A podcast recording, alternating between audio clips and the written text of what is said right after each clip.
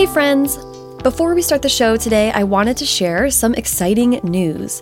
First Draft with Sarah Enni is approaching its five year anniversary and its 200th episode. That's totally, totally nuts.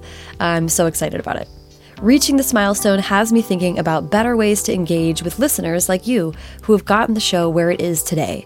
That's why I'm excited to announce the upcoming First Draft Listener Club, a premium membership community where fans of the show will get audio extras like longer, unabridged episodes of the First Draft podcast, including the episode you're about to hear. Exclusive monthly newsletters where I will break down what I've learned about writing and life and podcasting from the last five years, and will become part of an interactive member community to connect with me, your host, Sarah Enni, as well as with each other like minded weirdos. It's, we can never get enough of that. Creating a listener club will not only keep the lights on, it will ensure that First Draft can continue to grow and evolve. There are so many amazing new things and people and formats that I want to bring to the show, and this will make that possible.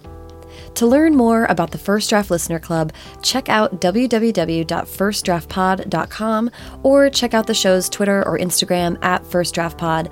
I will be sharing the link all over the web. Okay, now on with the show.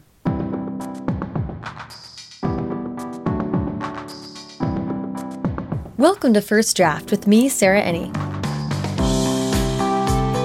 Today, I'm talking to Linda Holmes, cultural critic for National Public Radio and co host of the Pop Culture Happy Hour podcast. Linda's debut novel, Evvie Drake Starts Over, is out now. I loved what Linda had to say about how practicing law helped her hone her critical writing, getting used to listening to her own voice, and how she manages anxiety and depression, and the difficulty Linda had even acknowledging that she wanted to write a novel. Just a heads up, Linda and I recorded this conversation quite a few months ago. There are some details that have changed from when we were having this conversation, but you can find the details on what has changed and correct links to everything in the show notes. So, Without further ado, please sit back, relax, and enjoy the conversation.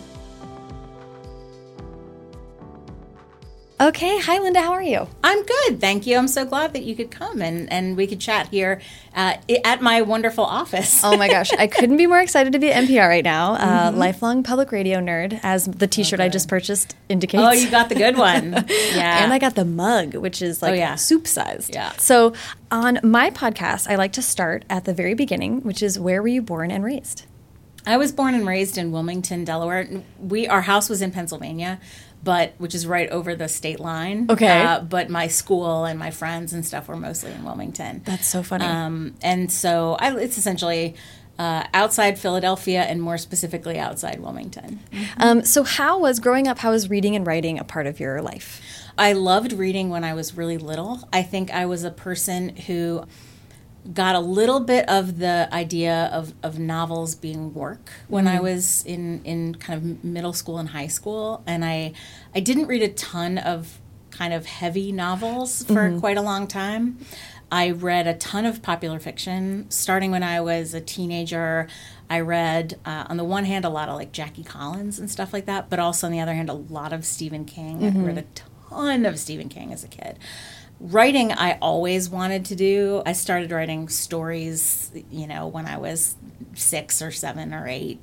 And I would just write little bits of things, and, you know, very often they didn't get finished, but mm-hmm. I would at least make a shot at writing them. Yeah. And then when I went to college, I kind of went away from writing, so. Yeah. Well, and we're going to get to that because you went in a very different non non uh, creative writing direction. Yeah, I'm going out of order, so. No, that's okay. That's okay.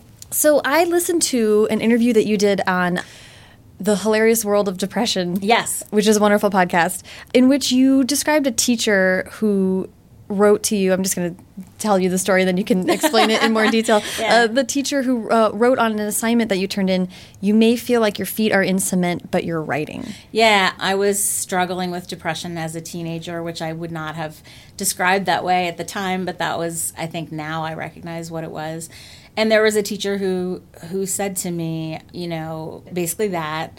Um, who was making the point to me that you know you may feel like you can't do anything and like everything is kind of, you know, your gears are grinding and everything, but that I was still able to write and that she felt, I think, like that would reassure me that I was still myself. And that mm-hmm. I think is, is probably exactly what that did for me. Yeah, which is a really early age to feel so explicitly reassured that like writing can be a safe haven a little yes, bit. I think that's right. I think that's right. And the funny thing is, you know, a lot of my writing for a long time wasn't necessarily fiction. It was just writing. It was just writing anything, whether it was writing people long letters or writing little short stories about my life. I started mm. writing my memoirs when I was in 11th grade. Amazing. Um, and I would just write little stories about embarrassing things that had happened to me pretty much.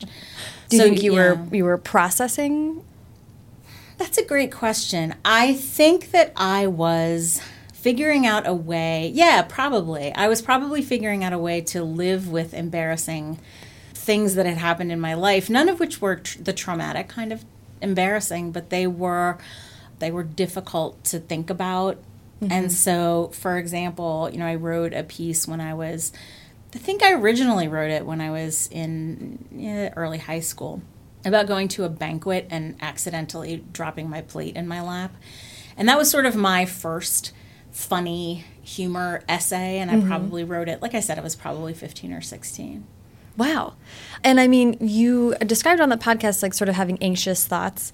Mm-hmm. And I think anybody who is even anywhere near anxiety has like the embarrassing moments sort of pop up unexpectedly or unwelcome. Oh yeah, yeah, yeah. and I would I would I think everybody with anxiety brain, as I always call it, kind of um, fondles all of their bad feelings and all of their bad memories. Mm-hmm. So everything really embarrassing that I've ever done, I still can cringe and and really it's painful to think about the mm-hmm. most embarrassing things I've done but you know none of them are terribly serious and i survived all of them and and you know made it into whatever it was for me so yeah it, it strikes me that writing them out though might have been sort of like sometimes looking right at a thing can take some of the power uh, out of it or i don't know i think that's right i think for me it felt like i was i was getting a little distance mm. from those stories by telling them in a way that was funny mm-hmm. and it was a primitive coping mechanism, I think. Mm-hmm. I, I, would not say that the fact that I was doing that meant that I was dealing well with my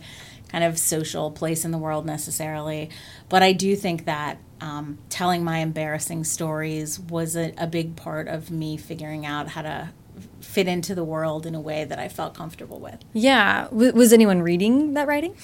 Um, I would pass them around in class. My cl- some of my classmates I remember were reading these little, like I said, my memoirs that I started, and I, I went to a really small school, so people knew me and mm. they knew my family, and so you know they would read them and it would be you know and they some of the, they would be in them and mm-hmm. you know it was a very informal thing uh, but not other than that no. Okay. And when you went to school what did you uh, what did you embark on? How did you begin your studies? I went to oberlin wanting to be a music teacher. And then uh, I did not get into their music school, which was correct because I was not nearly good enough and also would not have wanted to spend my life practicing as much as the people in that music school do so but i went there anyway and i was in the college and i didn't do any creative writing classes because you had to submit writing to a professor to be mm. admitted to a creative writing class and i was too shy i guess to wow. do that i was too nervous about my writing to submit it to anyone so i did a lot of social studies mm-hmm. eventually mm. first i did a lot of some math and science my first year that was weird i don't know why i did that in retrospect my parents were like why are you doing this you don't like this stuff um, so then I got into social science, and that's what I really wound up doing in college was kind of government and pre-law and sociology and things like that, which still allowed me to do a ton of writing. Those are really, really writing and reading and analysis and argument heavy topics. Critical thought, mm-hmm. a lot of that. Mm-hmm. Um, so then, what did you do after undergrad? I ended undergrad pretty sure that I wanted to go to law school, but I wasn't ready to go the first year. I hadn't mm-hmm. thought about it sort of soon enough. Mm-hmm. So I took a year and I temped. I was like an office temp. I answered phones and filed and things. And then I went to law school. I went to Lewis and Clark in Portland, Oregon, and you know, graduated, became an attorney, took the bar exam in Minnesota, where my family lived by then. Oh, okay. Um, yeah, they had moved from the Philadelphia area to uh, the Twin Cities. So, since I didn't really know anybody out in Portland who was staying in Portland, and I didn't really know anybody back where I had grown up, I went to Minnesota and I took the bar there. I had a kind of a government type job, a couple of government type jobs there. I want to talk about that work, legal work, because, but I want to talk about it in, in conjunction with TV Without Pity. So, uh, if you don't mind setting us up, how did the TV Without Pity writing come about? So, in probably 1999 ish, 2000, something like that, I was reading a site that was then called Dawson's Wrap, which was a Dawson's Creek recap site. And I loved it and I thought it was genius and funny, and I shared it with everyone that I knew. And then eventually they changed the name of it to Mighty Big TV, which was a site that did more different shows. And I loved it and I talked about it with people. And then I eventually pitched them that maybe I could write for them. And I still had, I was still an attorney full time at that time. I was just, it was just a side thing uh, to do. And I recapped a couple of reality shows for them. Uh, and you would just sit and write down everything that happened. And they weren't recaps like recaps are now, where it posts on the same night and it's, you know, maybe a page and a half. They were like 15 pages that would take several days to write and post.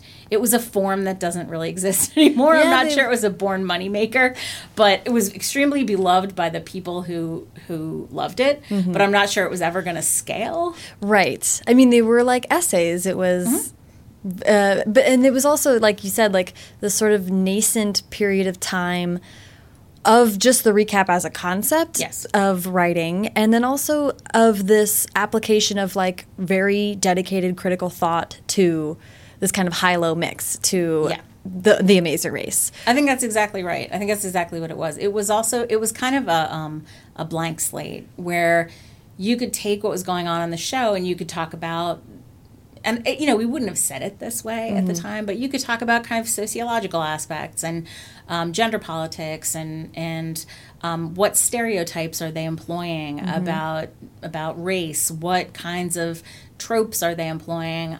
And they still have a the, the, the people who ran television without pity which at that time you know mighty big tv had changed its name to television without pity by the time i start or around the time i started writing for them a little after. And I think what they they still have a site. It's called previously.tv. They have a new site. And I was listening to them do a, a podcast about episodes of Beverly Hills 90210, which they are have been doing a, a podcast, an episode by episode podcast about. And I realized that a lot of what they do, even though it seems like a weird, like, why are you talking about these people like they're real people? Like, what a jerk this person is being it's because they are taking apart the show is treating this person in a heroic way but actually if you think about it he's being possessive and awful and they don't necessarily say that explicitly but that's why you're there that's the conversation that you're having is how are they using tropes in a way that doesn't really hold up if you think about it as a human being Right, which is so interesting and kind of ushered in this whole level of talk that now we're kind of steeped in of Right. enjoying cultural things, but also at the same time really bringing ourselves to it and talking explicitly about what that means and Mm-hmm. Right. these blurred lines uh, that we now live in. Mm-hmm. Um, it struck me that I think at that point you were doing appellate law or you were writing a lot. Uh, yes, I was. I was doing appeals, um, which are mostly, or by the time I got out of lawyering, so toward the end of the time that I was lawyering, I was writing appeals, um, which means you're mostly doing briefs. You know, you're just writing legal arguments and then oral, doing oral argument from time to time, but mostly it's a lot of argument writing. Yeah. Um, and like uh, persuasive writing, Mm-hmm. yes. right? Absolutely. Which to me seems like uh, I, I want to know if you think that was at all like it seems like that would help with your critical uh, writing. Hundred percent. You know, when I sit down now and I'm writing something where I'm trying to explain a critical opinion about a movie or particularly an analytical point about a cultural issue, mm-hmm. you're still doing essentially the same thing, which is present a bunch of, of facts and then you're making an argument and you're explaining how those facts that you laid out support the argument that you made. And you're also doing things that I learned to do as an attorney, like you're trying to close off, you know, you're trying to explain why the possible counter arguments are not convincing. And it's absolutely the same thing as good essay writing um, and, and a lot of good critical writing. Uh, they're all connected. All these things are connected. Yeah, which I loved seeing, and I mean, still to this day, when you post like the longer writing on mm-hmm. on Monkey See uh, blog, it's I've I was going back and looking at some of the ones that I've enjoyed the most, and I was like, oh yeah, you can kind of see bullet points and fleshing it out, and it's really it makes it something that you can bring into a, like a classroom and study or something like that. It's yeah, I mean, it's you know, learning to express yourself in critical writing is a really helpful skill to have. And that's why, you know, sometimes people say because I didn't stay in law, they say, well, you know, do you wish you hadn't gone to law school? And I say, well, you know, I, I wish I hadn't spent the money on law school, but I don't regret going to law school. I mean, because mostly what it does is make you a good critical thinker you do learn a lot of law, mm-hmm. which I don't use very often anymore, but it also teaches you a lot about how government works and how cases, legal cases work, and it helps me navigate mm-hmm. my understanding of the news and the world and things like that. So. Yeah. So I'd love to hear you tell me how TV Without Pity then leads to NPR. Yeah, uh, in a direct sense, it led to it because my friend Stephen Thompson, who works here at NPR and is on the podcast with me, uh, had just left his position at the Onion, and uh, he still lived in Madison, Wisconsin at that time. I lived in uh, the Twin Cities still at that time. And he was looking for a job, and we became friends because he had been reading the Television Without Pity stuff. And he liked it, and he wrote to me, and we kind of struck up a correspondence and became uh, friends in that way. And then he got a job at NPR mm-hmm. and almost immediately started telling them, I think this would be somebody that would be great for you to have to cover stuff for you. And then they were looking for somebody to do a pop culture uh, blog project. Mm. And that's how I got here. He uh, mentioned it to me, mentioned me to them. I wrote a, I wrote a you know long blog proposal for them and did a bunch of kind of tryout writing mm-hmm. for them and and that's how I wound up here. It's cool. I think on on the Monkey See blog, I think or somewhere in your website you described it as the first and only culture blog and you're the first and only editor of that blog. Yeah, at NPR. Yeah, it was the first it was really the first um, pop culture project that they that they undertook that I know of. Yeah, that was sort of explicitly labeled that way because i think for a lot of people what pop culture is is not entirely clear and there mm-hmm. are people who i think associate it with you know stuff like celebrity gossip and obviously it's not going to be that at npr mm-hmm. so i think there was a lot of kind of what exactly does it mean to do a pop culture project and that wound up really being defined by what the blog was and what mm-hmm. we all you know my editors and the people that i worked with thought that it should be. Yeah, which is such a cool project to be sort of. I'd, I'd love to just hear a little bit about your thinking about shifting from TV Without Pity as sort of people who are unapologetically obsessed with mm-hmm. whatever it is you're talking about, and you yeah. can sort of make all kinds of assumptions about knowledge and all that kind of stuff, and then transitioning to actually like determining how NPR approaches yeah. pop culture mm-hmm. is a big task. I I would love to hear how you approach that fortunately, I think I didn't think about it in those terms, or mm-hmm. it probably would have been too daunting at mm-hmm. the beginning. I think that I thought about it in terms of what are they missing that I can do. Mm-hmm. And so at that time, you know, this was before they hired a full time television critic. This was before they opened up certain avenues that I think I think they cover pop culture more than they did when I first got here. And so at that time, there was a ton of open space where I think they had not yet decided or kind of gotten a handle on what was the tone mm-hmm. where you could cover, for example, Dancing with the Stars in a way that would still seem at home on NPR. Mm-hmm. And I think a lot of what went on in the first couple of years that I was writing the blog was trying to figure out what does that look like mm-hmm. and and what is you know what is fun enough to be really fun and to still feel like me and feel like my writing but that also feels like it belongs at NPR mm-hmm. and and you know I never wanted to be somebody who was upsetting anybody's idea of you know NPR is supposed to be good. This is stupid. I never wanted that to be the feeling of who I was or what I was doing. So. right. At the same time I'm sure there's some NPR diehards who just would rather it not be covered at all. Absolutely. That's true. And you know you get to a point where you know, I, it never hurts my feelings when people say this is not what I tune into NPR for, because that that's that's fine. Right. Like there are things that I don't tune in to any show or you know radio show mm-hmm. or whatever for there there are all, very few podcasts that I listen to where I don't skip some episodes. Mm-hmm. You don't have to be a completist. It's okay as long as you're not uh, insulting me for doing it. I don't mind that people say, "Hey, you know this." This uh, essay about this Amy Schumer movie isn't what I come to NPR for. It's like that's fine. That's okay. Click away. That's okay. Not not hurt. Yeah. How so? How did it develop? Were you hired as only a writer, and when did uh, actually you as a voice for pop culture on NPR start? So I was hired to write, yeah. And NPR at that time, you know, podcasting, this was 2008 when mm-hmm. I started the blog.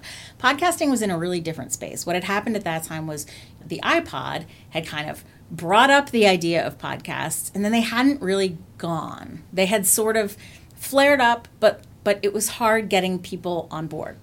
So this was in between the iPod part and the smartphone part mm-hmm. a little bit. So NPR at that time was mostly using podcasts to redistribute radio stories. Mm-hmm.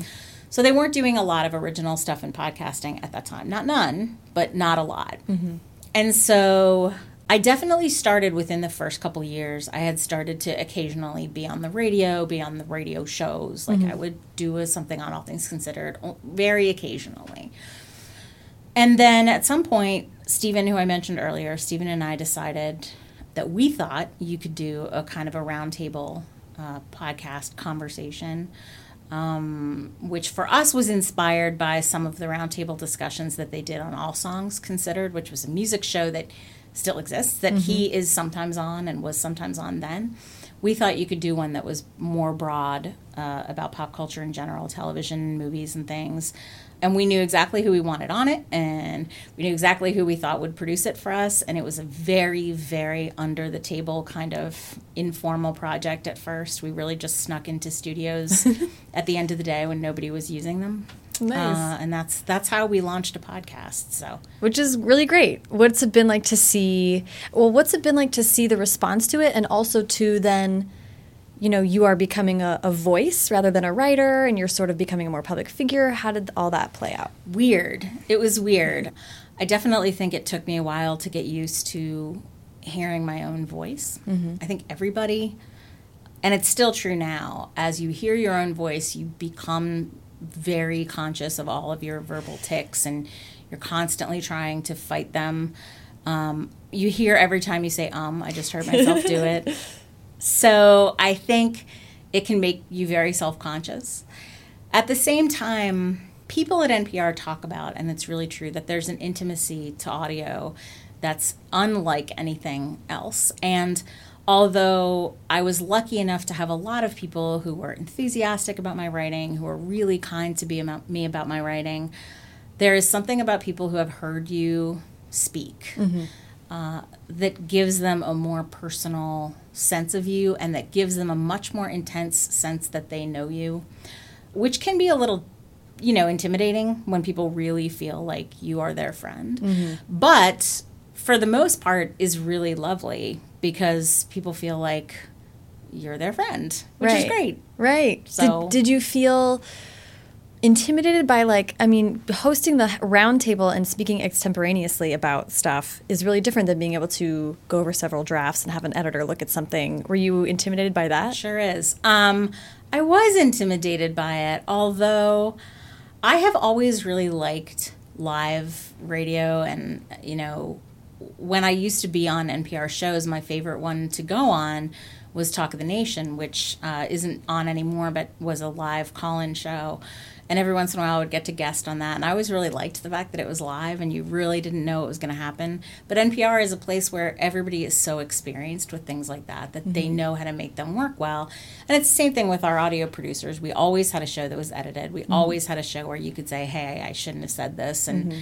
you know, I don't think that came out the way that I intended it. And it could be, it could be cut. It was never a show that was just as live. But it is definitely true that what you say on a podcast is always going to be less fussed over than what you can say with writing. That's true. Less so it's it's you don't get to sort of edit yourself as intensely, but it's also not inherently you aren't I don't know. Is that true? Are you reaching fewer people with your writing than podcasting? I don't know. I, I- it would really depend on the piece. I would say there are some pieces that I have written that have been read by more people than the podcast, Mm-hmm. and many that haven't.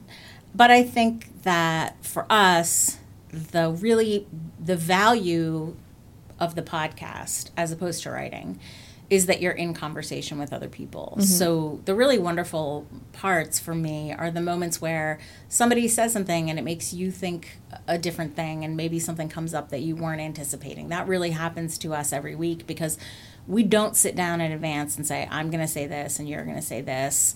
We just don't do that. We mm-hmm. will we will have usually some bullet points of things we want to hit, but they're usually very general. Mm-hmm. So it is basically what it appears to be, which is people sitting down who have all seen the same thing and talking about it. Having a genuine conversation, mm-hmm, which is very, very cool. I enjoy it a lot. So, on the other podcast episode that you did, you uh-huh. said that you had always wanted to write a book.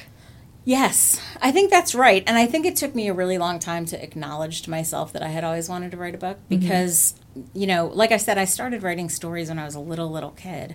But then I abandoned it at some point and I started doing a lot more analytical writing.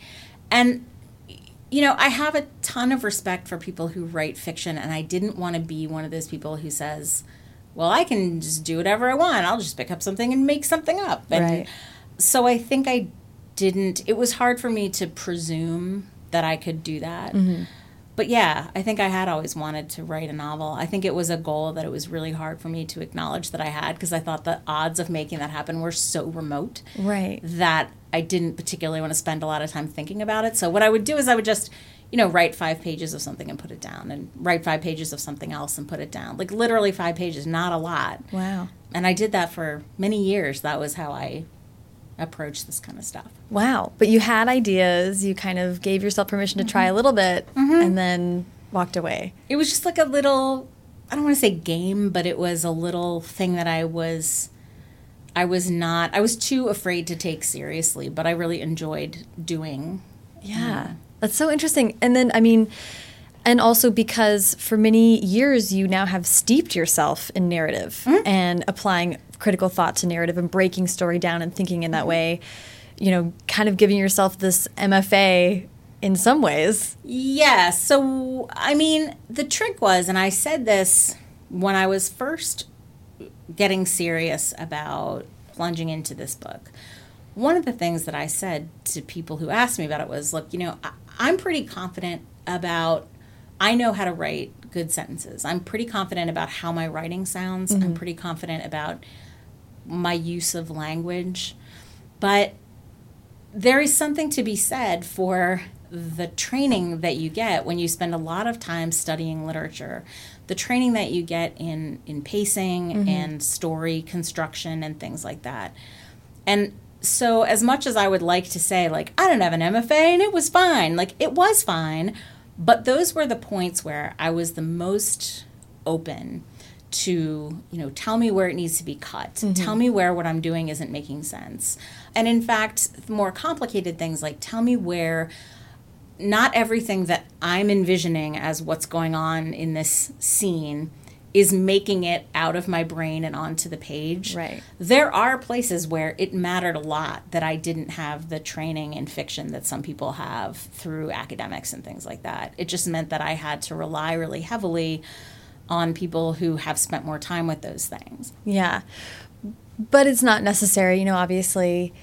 I don't and then you have so much more or so you have a great deal of experience thinking about other parts of it. You know what I mean? Absolutely. I think everybody has these are the things that I feel confident about. These are the things that I don't feel confident about. Mm-hmm. I felt really, like I said, I felt really confident that I liked how my writing sounded. Mm-hmm. And so I didn't feel like I needed a lot, and in fact, I didn't get a lot of editing that was on the level of this is an un this is an unpretty sentence. Let me make it a prettier sentence. Mm-hmm.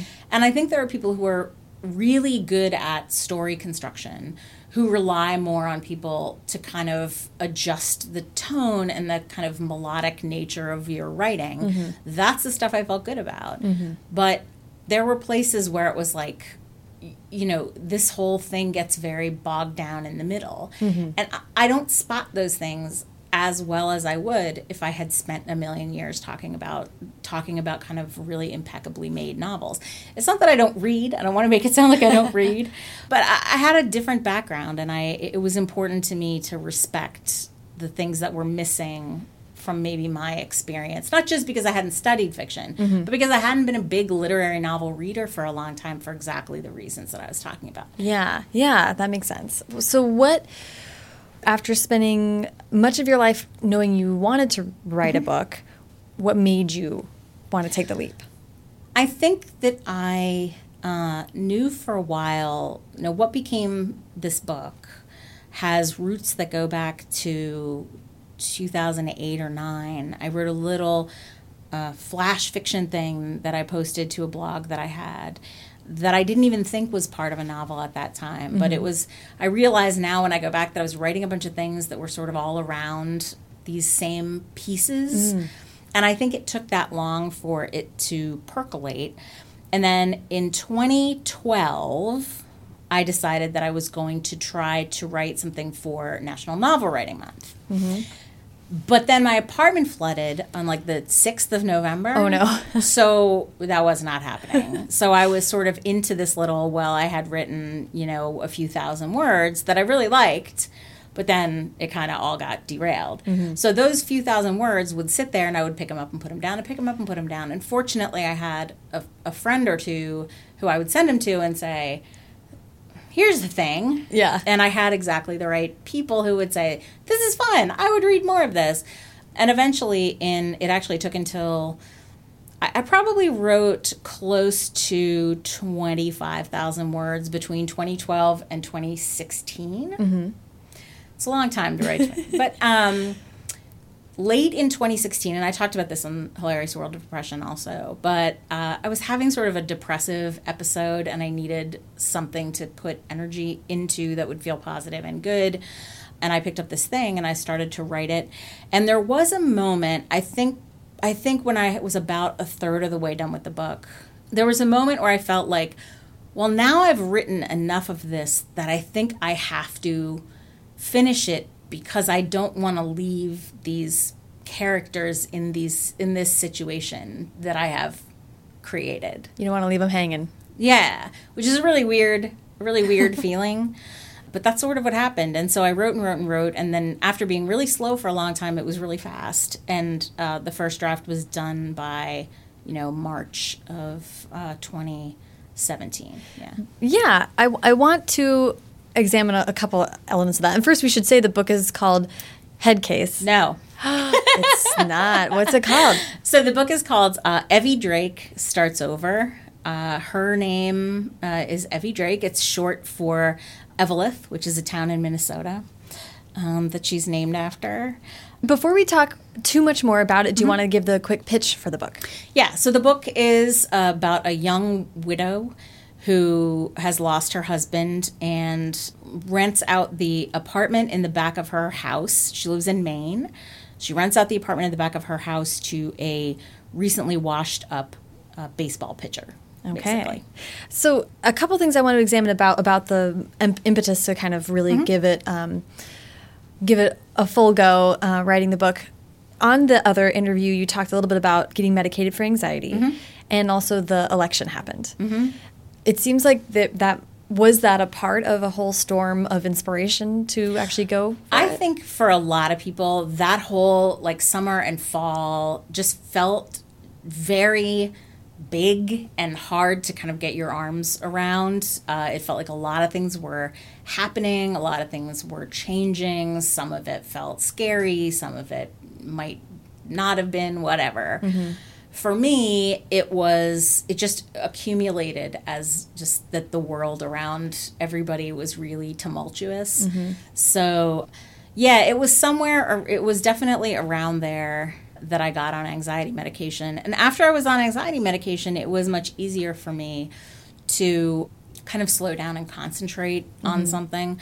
So it's a combination of the fact that anxiety meds made me more able to write, but also the situation that had gotten me into anxiety meds, this sort of depressive episode, which it might have been somewhat situational that it was that time in the in kind of world history, but it was also just I am a chemically I am chemically predisposed to, to periods of depression and anxiety. So I don't mm-hmm. want to blame, you know, any particular right.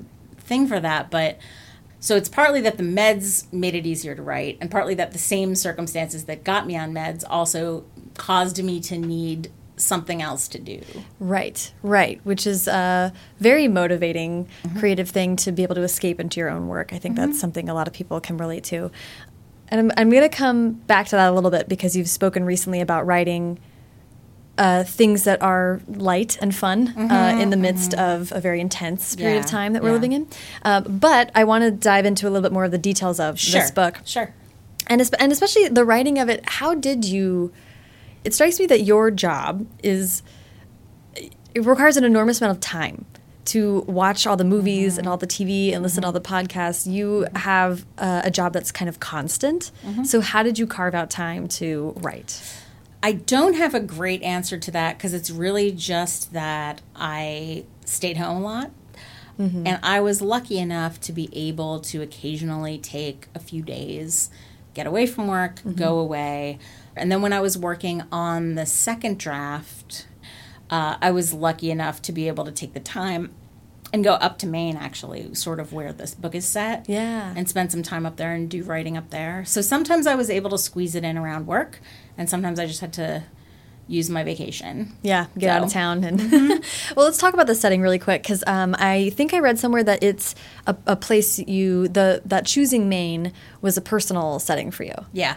So when I was younger, my family used to vacation around Rockland, Maine, which is what they would call mid coast, mm-hmm. which is um, a combination of kind of touristy, but also really nice and friendly and charming. Yeah. Uh, and it's just a place that I'm extremely fond of personally because because we spent time there when I was younger. So. Yeah. Did the setting come right away? Did you know? Yeah, the setting was always really central to uh, the book, and I think my family went back and stayed there again in like 2003 ish when we were all, you know, my sister was grown with kids and we all went, and my parents and me and my sister and her kids and all that uh, in 2003. So I think that's probably what mm. kicked in again that maybe I would write about this part of the country. Yeah. Uh, and it didn't wind up happening for a, a few years, but yeah. Okay, well let's let's I want to talk a little bit more about the characters and then come back. Um, because you talk about the, the washed up baseball player. Mm-hmm. He has he had the yips. Yes. Uh, can you describe what that is? Okay, so the yips, if you're not familiar with the yips, the term originally was used more in golf, um, but now they use it for any sport.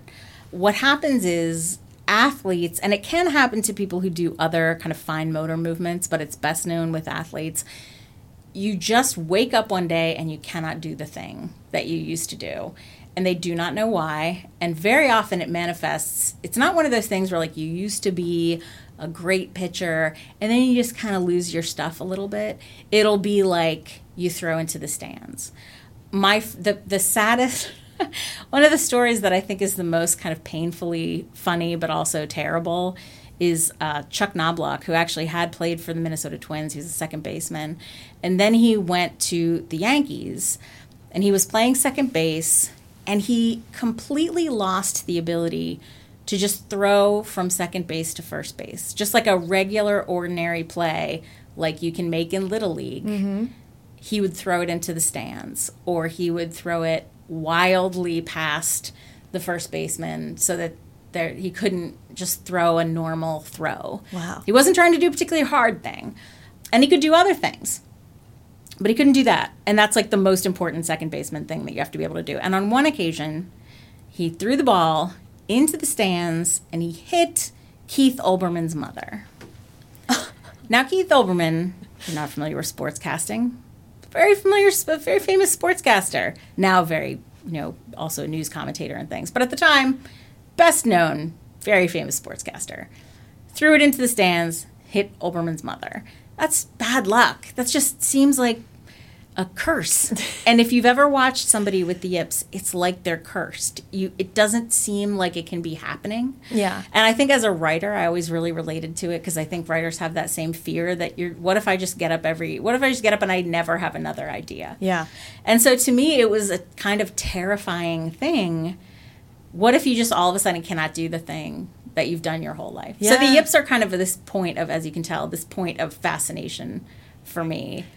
Yeah. they're terrifying. You wrote uh, it's on your site website. It says it's so awful that I find it irresistibly compelling. Yes, that's exactly right. Yeah. Uh, because they're, you know, they continue to do research into it, and there are people who say, well, maybe there's some kind of trauma, and other people say, not really necessarily. Uh, sometimes it just happens.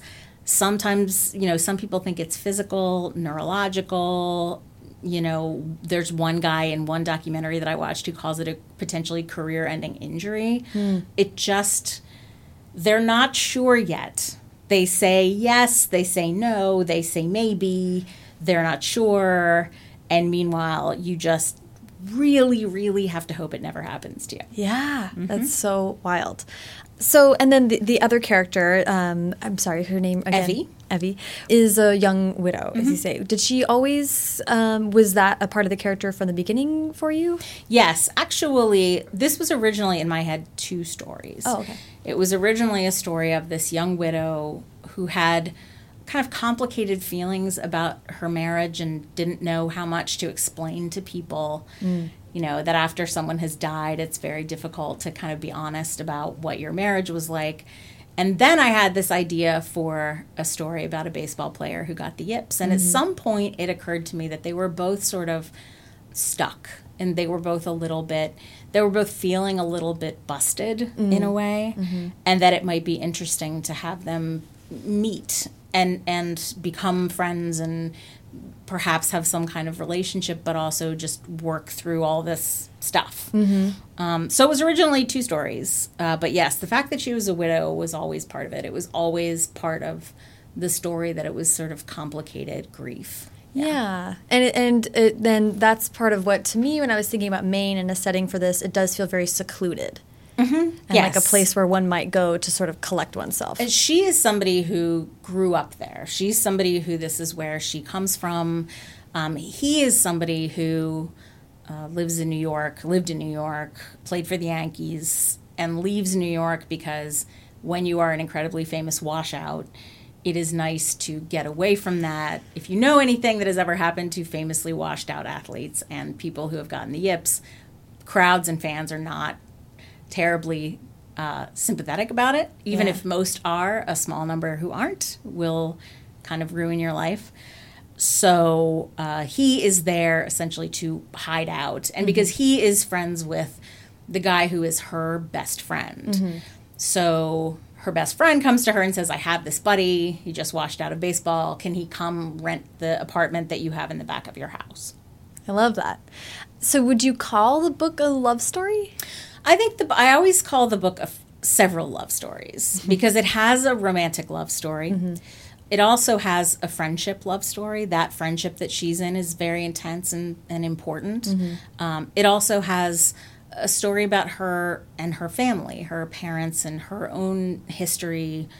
So I think of it as several love stories. It's also a little bit, you know, you, you can stretch it far enough to say it's also a little bit about how much he loves baseball mm-hmm. and misses it and mm-hmm. wants to figure out how to how to deal with that loss. Yeah, I was going to say that's not, and not to, I don't want to overstate it, but not, but all of a sudden waking up and not being able to do that thing, especially when it's your livelihood, that is a kind of a death. Yes, they're both they're both dealing with kind of unusual grieving experiences that they're having trouble talking about. That's probably part of of what makes them a compelling relationship to me. Yeah, and it, it reminds me also of, I'm like just quoting quoting you to you all Sure, day. sure. But you had this really wonderful. Uh, you were writing about rom coms, I think, and you have this great quote that I'm going to read to you. Uh, Love stories are best when the people exist outside their relationship with each other. If the only things that have happened to you are one, having relationships, and two, not having relationships, how interesting can you really be? What have you been doing? Which I loved. Yeah, I mean, for me, you can't be a person who is who exists solely for the the purpose of being in relationships. A- And if you think about your great romantic stories, a lot of times they do have uh, other relationships that are meaningful, whether it's relationships with parents or relationships with friends, um, or uh, work that's really important and meaningful to them. Um, I, I think that sometimes, I think that sometimes people forget that that you don't. If you come into a love story with two people who have no lives except being in the love story, it's very hard to care about them because either they're in it or they're not in it, but you don't develop a kind of an attachment to a complete person. And so for me, that's one of the reasons why I really liked the fact that they also both had friendships and they both had family relationships mm-hmm. and they both have friendships and family relationships that are complicated by their circumstances. Mm-hmm. So it was really important to me that that this even though the, the setting, as you said, kind of loans itself to, to seclusion a little bit. Mm-hmm. It was very important to me to not have it be just two people shut in a house talking mm-hmm. to each other. As much as I have kind of a fondness for those before sunrise kinds of just people talking, mm-hmm. I wanted it to feel fuller than that. So Yeah, there's there's room for fan fiction of, of that Yeah, version for of sure, any story. for sure. I, and I want to ask about just telling love stories right now. This you you wrote a tweet recently, so it's not like explicitly related to this book, but Mm-hmm. um, you have a two book deal, so there's a second book, and you tweeted, "I was about to ask whether it was immoral for me to write." A next book that would be really fun, and then I realized I'm watching Brooklyn Nine Nine at the moment and really appreciating it. So, Yeah. This is something that I've wrestled with a ton, right? Yeah. Not just over writing novels, but over in general, talking about things I love, talking about TV I love, talking about movies I love, posting pictures of my dog. Um, because I, I never want to seem like an unserious person, and I never want to seem like a person who doesn't understand the stakes of, of what is going on in the world. At the same time, I don't think people are built to think constantly about disasters. I don't actually think that the human mind is well wired to be in a state of emergency all the time. So I think that when things are are uh, you know when people are upset and and they feel frightened about you know whether it's something out of politics or whether it's uh, climate change or or whatever, I actually think that if you if you have things that you can step back to and take a breath, I think it actually helps you then recover enough to go on with what you're trying to do that you do feel is maybe higher stakes. And I've spent a lot of time thinking about, you know, but is it moral to be the person who provides the break as opposed to the person who is setting up the, you know, nonprofit or whatever. Right. I don't know the answer to that, and I and I worry about it a lot. Um, but for me, this is what I'm doing, and I do think that there's some value, and I, I feel this way about Brooklyn Nine Nine too. Actually, it, it's good if the thing that you're escaping to is is humane mm-hmm. and diverse and supportive of. Uh, a lot of different kinds of people mm-hmm. and is based around ideas that to me feel compassionate. Like it's not a time when I would feel good about writing something that felt mostly mean but mm. funny. Maybe that's my compromise. Yeah. Well, and I mean, for a lot of people, this question is sort of abstract, but you literally do your job in NPR, Right. Exactly. in Washington, D.C. Exactly. So I think I have I think I have come to terms a long time ago with the fact that if somebody comes to me and says, I, don't think what you do at NPR is as important as what other people do at NPR, my answer is pretty much like, you're probably right. I agree with that. If you say, I don't think you're contributing as much to the world as people who report on Syria or uh, immigration issues or, or health, that's probably true. I don't know what the answer is to that. I'm not trained to do that kind of reporting. It's not something for which I've ever demonstrated any ability. Uh, So I think the thing for me is I, I don't really fight it. I have to try to be the best version of me and not the alternative person. Right. But it's not important to me to be the most important, to be doing the most important work in the building or the world. It's important to me to be doing something that I feel good about and that I am good at.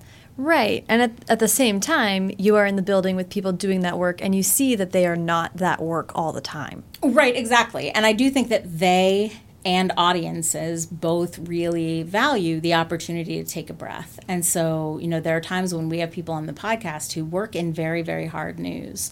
Um, we've joked with Audie Cornish about this all the time. She comes on the show and she will have been talking about war, war, war, and then she comes up and talks to us about something much lighter. Mm-hmm. Um, sometimes people need that that breath. Right.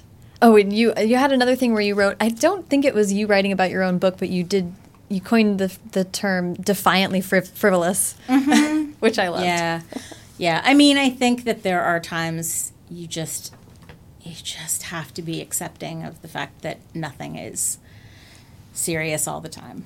Yeah, which is good.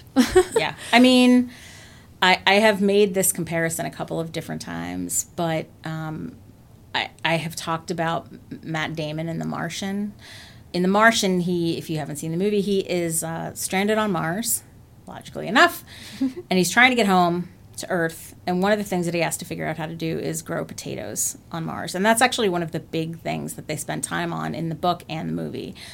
And figuring out how to build the potatoes does not actually solve, how to grow potatoes does not actually solve his problem but he will not live long enough to solve his problem if he doesn't figure out how to grow potatoes.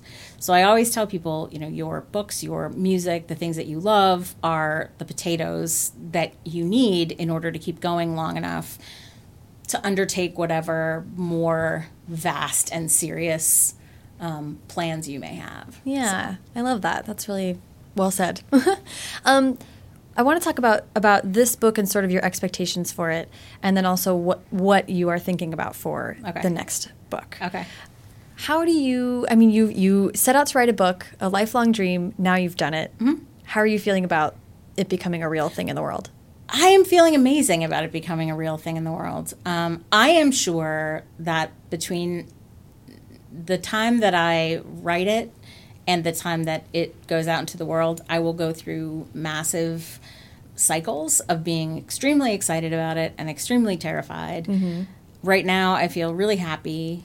I think that uh, my editing process was actually really easy and pleasurable. Not everybody has fun being edited. I loved being edited. That's great. And I have so few expectations. I will say, I think one thing that's really helpful about having covered a lot of culture uh, when you write a novel is that I have seen um, so many things that are wonderful that just never get any traction. Mm-hmm. So, in no way does that mean that I am prepared for the disappointment of kind of nobody reads it, uh, if that happens.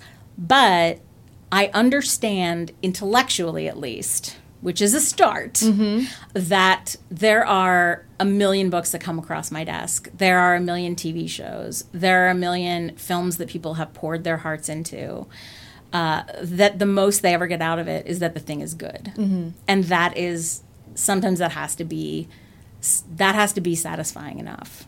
Right. I'm. That's a very selfish question because my book is coming out in February, so mm-hmm. my first book. So I'm like, I'm been telling people that I'm like intellectually I know where I'm at. Yeah. And emotionally, I'm not ready at all. No, th- I, I, won't be either. This is, a, I mean, this is. I'm saying this with a good amount of um, advance warning, and I, and I, but as it gets closer, I'm sure that I will feel less this way. Yeah. And the problem is, occasionally things are going to happen that are going to make me really like optimistic and excited about externalities that I can't actually do anything about. Like, mm-hmm. oh my gosh, what if a lot of people buy it? That probably won't happen statistically.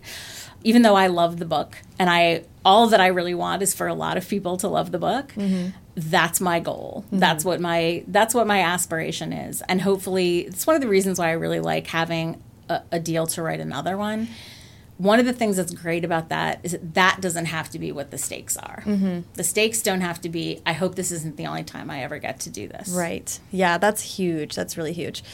And how have you, ha- or have you been thinking about you, Linda Holmes, NPR, Pop Culture Happy Hour, versus Linda Holmes, the author? How much do you think those people are going to.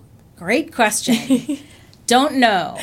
um, you know, I've talked to a couple people about the fact that like this book could come out. I think there's like a, you know, this book could come out and, and not change my life that much. It will be exactly like my freelancing was when I was an attorney, and that mm-hmm. it will mm-hmm. be a separate thing. It will add enormously to my life. Uh, it will not change my life that much. And it will be essentially like it is now. Mm-hmm. It will be a thing that, you know, is another thing I'm doing. Right. There's always the possibility that it will change my life more than that, but that is there is just so much that is so far out of my control that I don't I just don't know. Mm-hmm. I mean, could I someday be so fascinated by the idea of fiction that I don't want to do this anymore? I I suppose in theory, but that is not the goal. Mm-hmm and I was lucky in that regard. I think that's another way in which I was really lucky about stakes was that the stakes were never like I hope to quit my job. Yeah, that's such a good point. And and if your quote unquote worst case scenario is that your life continues on pretty much as it is, exactly, then that's and you feel completely happy about that, that's a, the best place to be. And like, of course, that's not true because the worst case scenario is that nobody likes it and nobody reads it, and somebody says something devastating who I really respect, and it makes me feel terrible. Like those things are all completely within range. Mm-hmm. But I did not go into this thinking I want to become a person who writes novels and I want to quit my job because honestly, I when people write to me, which they sometimes do, and say, "I'm a lawyer and I want to quit my job and become a writer." Interesting. One of the things that I tell them is like, "You you you can't do it that way. You can't quit your job and become a writer. You have to become a writer, and then maybe someday you can quit your job." So. If you really want to do something, you have to just go do it, and it has to be okay, however it turns out. And yeah. that's how I started writing about television. Yeah, and right. that's how I started writing fiction. So, I'm lucky in that regard because if my life stays the same and I keep my same job and I keep doing this on the side, that's fine. if something else happens, which I can't imagine what it would be, but if it did, that's also fine. Mm-hmm.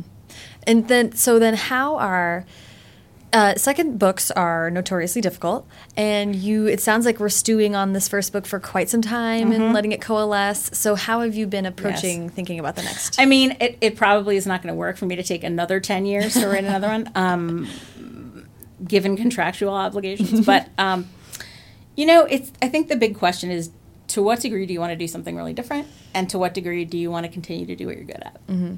I think about this a lot you know, I have ideas, I have things that I'm thinking about, and perhaps, uh, you know, they will come together quickly once I settle on something. Mm-hmm. There's definitely a feeling of maybe I want to write something that, particularly something that contains no love story, because I don't want people to necessarily think that, that that's the entire not because and that has nothing to do with the identity of writing romance mm-hmm. that has to do with me not wanting to to narrow what I get to do. Mm-hmm. Um, but there are also parts of me that think I really enjoyed writing this book. Maybe I should write a book that has similar elements because I feel like it went well mm-hmm. and I feel like I was good at writing this kind of book. It's really difficult. Like this is all just me thinking completely out loud because um, because this is exactly what I'm what I'm spending a lot of time on right now.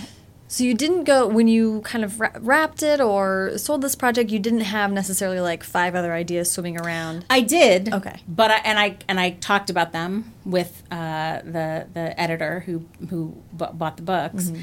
I don't know for sure whether those will be what I actually go with. Mm-hmm. They are among the ideas that are still uh, kicking around. Mm-hmm. I don't know whether any of those will be what I go with because it's funny. Sometimes you have an idea and. You, it sounds like something you would write, and then with the experience of having sold and edited another one, you might think differently. Yeah. Um, or then what you, you want to write. Kind of get weighed into it, and you're like, oh no no no. yeah, I mean that's the other thing is as with this one, it was so much a part of the creation of this book that that I became in love with it as mm-hmm. I wrote it, mm-hmm. and I would hope to have that experience. You know, like I said, I don't want to mess around for another 10 years. I want to write it faster than that. Yeah. But I want to have that same experience of starting to write it and not being able to stop, which is sort of what happened with this one once it got to a certain point. Yeah, that feeling of not wanting to abandon your characters to their yeah. adverse circumstances. Yeah, yeah. That's a pretty lovely feeling to yeah. care that much about the yeah. your characters. Yeah. Um, well, that's awesome. Was there anything else about the book that you wanted to make sure we got to? I don't think so. Okay like I said, it's been a really good experience. I was really lucky. Um, Do you mind telling us a little bit about how you found your agent? Just cause... so. Um, my agent is actually somebody who was recommended to me years ago when I was futzing around with the idea of writing books. And somebody said, you know, oh, you should get in touch with Sarah Burns. I think you'd really like her.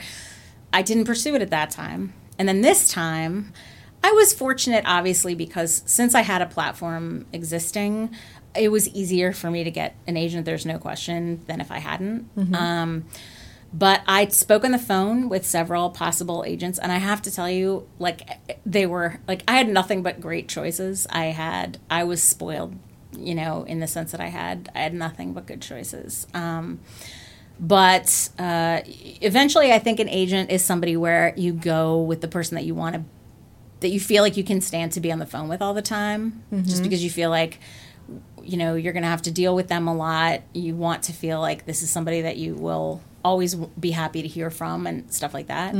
Um, not that the other ones wouldn't have been. It's also just a thing where you just have to jump. You just have to pick somebody.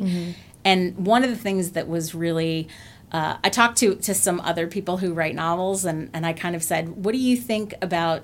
Should I be thinking about an agent super strategically? Like, is this the person who's got the exact right kind of? mm, And almost everyone said exactly the same thing, which was no. Pick somebody that you like. Pick somebody that you feel really comfortable with, that you feel like gets you and gets the book.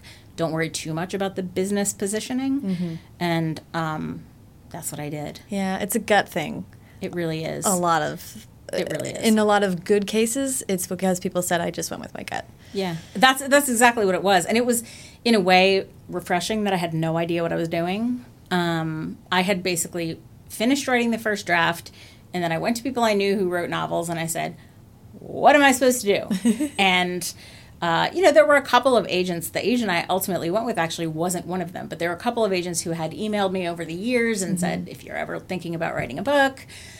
So I had I had it easier than a lot of people do, but I think the process in some ways is similar, which is that mm-hmm. you just have to find somebody who's willing to.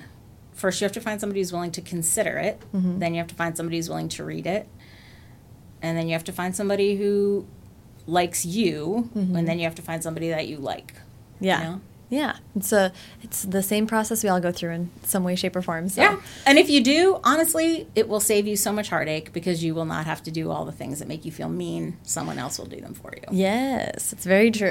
It's a big selling point for agents. So that so this has been amazing. Thank you so much. Oh, and thank you. I want to uh, we I like to wrap, wrap up with advice. Sure. So I would love to hear. I mean, advice for writers, but I'd also love to hear your advice for people who are writing uh, things like you do for your day job for Mm-hmm. uh, critical critique. I think the most important thing is to write things that you would want to read. Now, that is sometimes controversial because when you're writing for money, you have to write for the people that you're writing for, and I understand that. But I think within that, you know, within those parameters, make sure that you are writing something that, that you would want to read mm-hmm. because if you are trying to do it for any kind of you know personal satisfaction or anything like that Yeah. and I, I am sympathetic to people who say i'm writing manuals and i don't care Right. or whatever but if you're writing for personal satisfaction write something you'd want to read because i think you can always tell when people aren't doing that don't try to write a novel that you think is what the current market for novels is unless you can do that in a way that is also a novel that you would read. I wrote a novel that I would read. Absolutely did. And I think that is one of the reasons why I like it. And I mm-hmm. think it is one of the reasons other people like it. Mm-hmm. I wrote something that I really care about and wanted to be good. So I would recommend that. And I would also recommend if you're writing criticism, read a lot of criticism, read a lot of different kinds of critics, and don't fall into the trap of trying to draw attention to your writing by reaching for kind of contrarian takes. I think there's a lot of that going around. Uh, some things are just mostly good. And there's nothing wrong. There's nothing wrong with being the person who says, hey, everybody likes this thing. Here's my problem with it. But make sure that that comes from, that that goes in the right order, which is, this is my opinion. It might be interesting if I published it, as opposed to what would be an interesting opinion to publish. Wouldn't it be interesting if I hated Mr. Rogers? Like, no, it actually isn't that interesting. Unless you really do and you can make a case for it. But again, I think people can usually tell when you're just, Just just going for a hot take. yeah. Um, well, this has been such a joy. Thank you for taking the time to talk to me today. Of course. Thank you. Thank you so much to Linda. Follow her on Twitter at Linda Holmes and Instagram at Linda Holmes97. And follow me on both at Sarah Enni and the show at First Draft Pod. There are links to everything Linda and I talked about in this episode in the show notes, which are available at firstdraftpod.com. If you enjoyed the show today, please subscribe to this podcast wherever you listen and consider leaving a rating or review on iTunes. It really helps to kind of get the word out there and make sure that other people who like similar shows are finding First Draft. And don't forget to visit www.firstdraftpod.com to get more information on the First Draft Listener Club. If you sign up for more info now, you will get the chance to fill out a very short survey that's going to help me customize exactly what we're going to do with the listener club. Gives me a great sense of what listeners are interested in as far as extras and how you want to sh- the interactive part of that to kind of be shaped. So um, i would really really appreciate hearing from you. Yes you. Haley hirschman produced this episode. The theme music is by dan bailey and the logo was designed by colin keith. Thanks to production assistant Matthew Selznick and transcriptionist at large Julie Anderson. And as ever, thanks to you, Yips Addled Superstars, for listening.